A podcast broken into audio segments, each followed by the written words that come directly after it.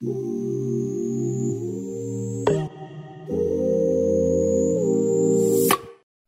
lagi di Jiwa Terjangsa. Video kali ini kita bahas mengenai perbedaan sekolah S3 di dalam negeri dan di luar negeri. Kali ini kita membahas perbedaannya. Dan, uh, saya merangkum ada lima perbedaan antara sekolah di dalam negeri dan di sekolah S3 di luar negeri. Mari kita mulai. Yang pertama, jadi uh, sekolah S3 di luar negeri dan negeri itu perbedaan yang paling signifikan yang, yang saya rasakan adalah perbedaan atmosfer jadi suasana. Jadi uh, ini yang mungkin uh, membuat kalau teman-teman nanti sekolah di S3 atau yang sudah itu relatif lebih lama waktunya daripada sekolah S3 di dalam negeri. Saya pribadi sekolah di S3 di luar negeri Jepang itu kurang waktu, kurang waktu memakan waktu tiga setengah tahun. Sedangkan dalam negeri itu hampir lima tahun walaupun saya dalam waktu bersamaan. Nah atmosfernya beda. Jadi kalau di luar negeri, jadi tuh ketika kita datang ke negara tertentu, sekolah luar negeri itu, itu memang hadir pengen sekolah, sehingga fokusnya itu beda sekali. Atmosfernya juga beda, suasana kompetitifnya juga beda, teman-temannya juga beda. Nah kalau di dalam negeri itu mungkin relatif banyak gangguan. Gitu ya. Saya buat leluconnya kalau dalam negeri kadang-kadang kita ada kondangan, ada tilik bayi, ada uh, rapat RT gitu ya. Nah, di luar negeri itu relatif fokus. Atmosfernya memang mendesain kita untuk fokus. Jadi sehingga waktunya jadi lebih uh, powerful di sana, lebih berarti.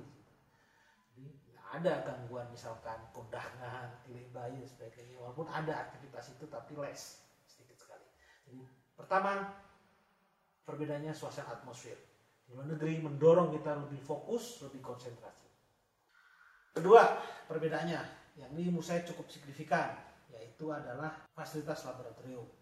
Jadi, eh, walaupun saya S3-nya di dalam negeri itu di ITB, dan sekarang sudah ada fasilitas laboratoriumnya, tapi di luar negeri itu sudah ada duluan.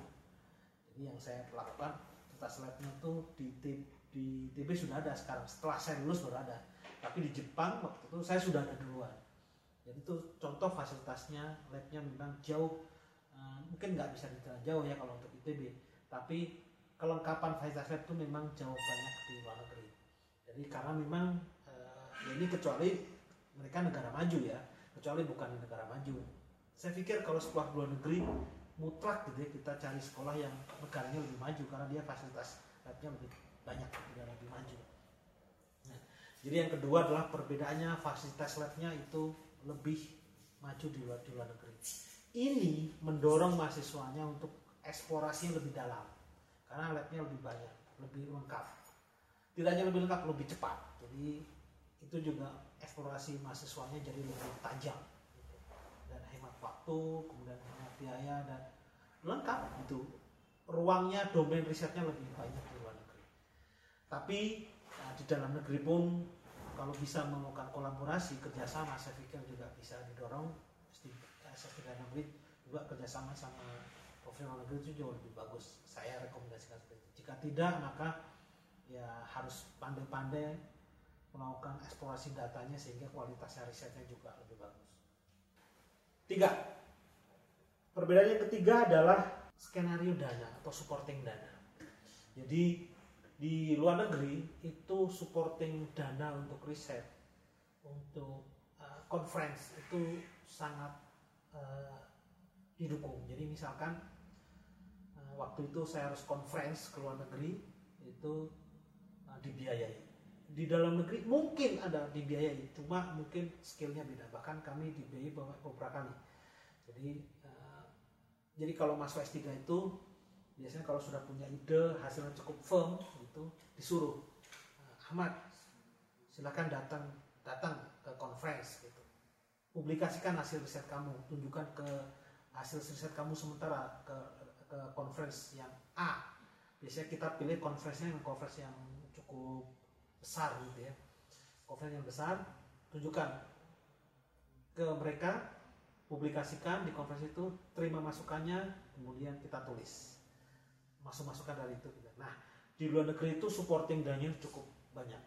Jadi kadang saya pernah ke dua universitas yang lain ke Tohoku University dan ke Miyazaki University dan satu kali saya pernah ke di kampus yang lain juga tiga kali. Itu memang untuk diskusinya ke sana hanya untuk diskus dan sebagainya. Jadi supporting dananya memang di negara maju lebih bagus. Di dalam Indonesia possible sih cuma memang tidak sebanyak supporting dana untuk di luar negeri. Jadi itu perbedaan yang ketiga. Supporting dana di negeri jauh lebih. Eh, bukan nggak jauh tapi lebih besar. Kita masuk ke perbedaan keempat yaitu adalah experience. Jadi ini yang mungkin mahal. Di sekolah luar negeri itu experience-nya pengalamannya tuh pengalaman yang broadly gitu ya, pengalaman luar negeri. Dari everyday kita komunikasi bahasa Inggris, kemudian kita berinteraksi dengan banyak orang gitu ya, dengan eh, negara-negara uh, lain gitu, China, kemudian Korea dan bahkan ya Eropa gitu banyak yang sekolah kalau kasus, kasus saya sendiri banyak orang Korea luar negeri orang Eropa juga ke Jepang belajar itu dari sisi diskus kemudian dari uh, bahasa gitu ya jadi saya merasakan Inggris itu improve significant gitu ya improve significantly gitu ya dengan signifikan itu ketika ya di luar negeri gitu. kalau mungkin dalam negeri bisa sih gitu tapi experience di luar negeri itu uh, menambah bahasa kemudian relasi kemudian ya kalau masuk S3 itu banyak sekali trip-trip gitu ya yang bisa dilakukan gitu. jadi eksternya jauh lebih berada di dalam negeri kita harus pandai-pandai melakukan uh, eksper, uh, pengalaman batin pengalaman itu pengalaman batin dan pengalaman tekniknya harus pandai-pandai.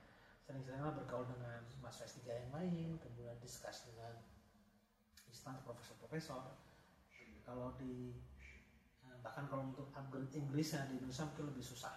Kita sendiri yang harus bekerja keras. Kalau di luar negeri mungkin bisa dengan mudah kita terupgrade sendiri. Experience-nya mahal.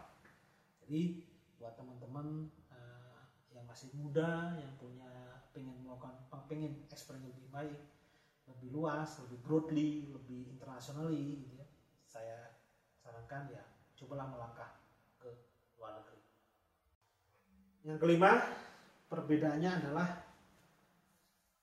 uh, sistem evaluasi dalam tanda petik.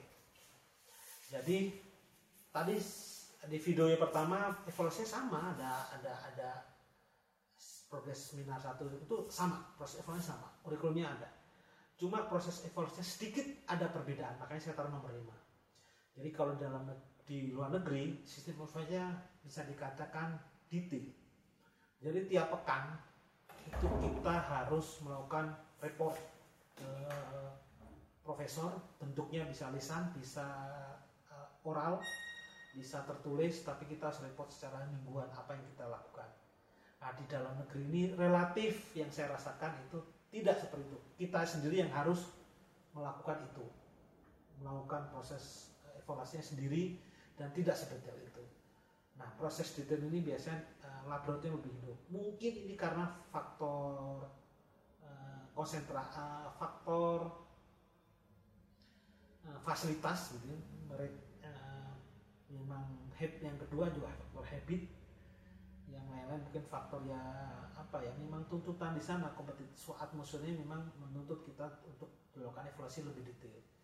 Jadi kalau di dua negeri bisa dikatakan tiap minggu itu Eh, kepala kita pusing lah eh, menarik pusing tapi juga terlatih di, di dalam negeri yang saya rasakan saya juga sekolah di, di dalam negeri pusingnya bisa dikatakan nggak mingguan lah tergantung moodnya kita gitu. namun quality dan lain-lainnya itu ada di kita makanya sebelum selesai membahas perbedaan ini tonton habis dulu persamaannya karena prinsipnya sekolah dalam negeri luar negeri itu sama yaitu endingnya sama. Jadi yang saya capture hari ini, yang saya ceritakan adalah bagaimana whole perbedaannya di dalam negeri yang kita bisa ambil. Jadi itu kelima perbedaan sekolah di dalam negeri dan sekolah di luar negeri. Selamat melanjutkan sekolah dan tuntut ilmu setinggi mungkin. Maju terus untuk kemajuan.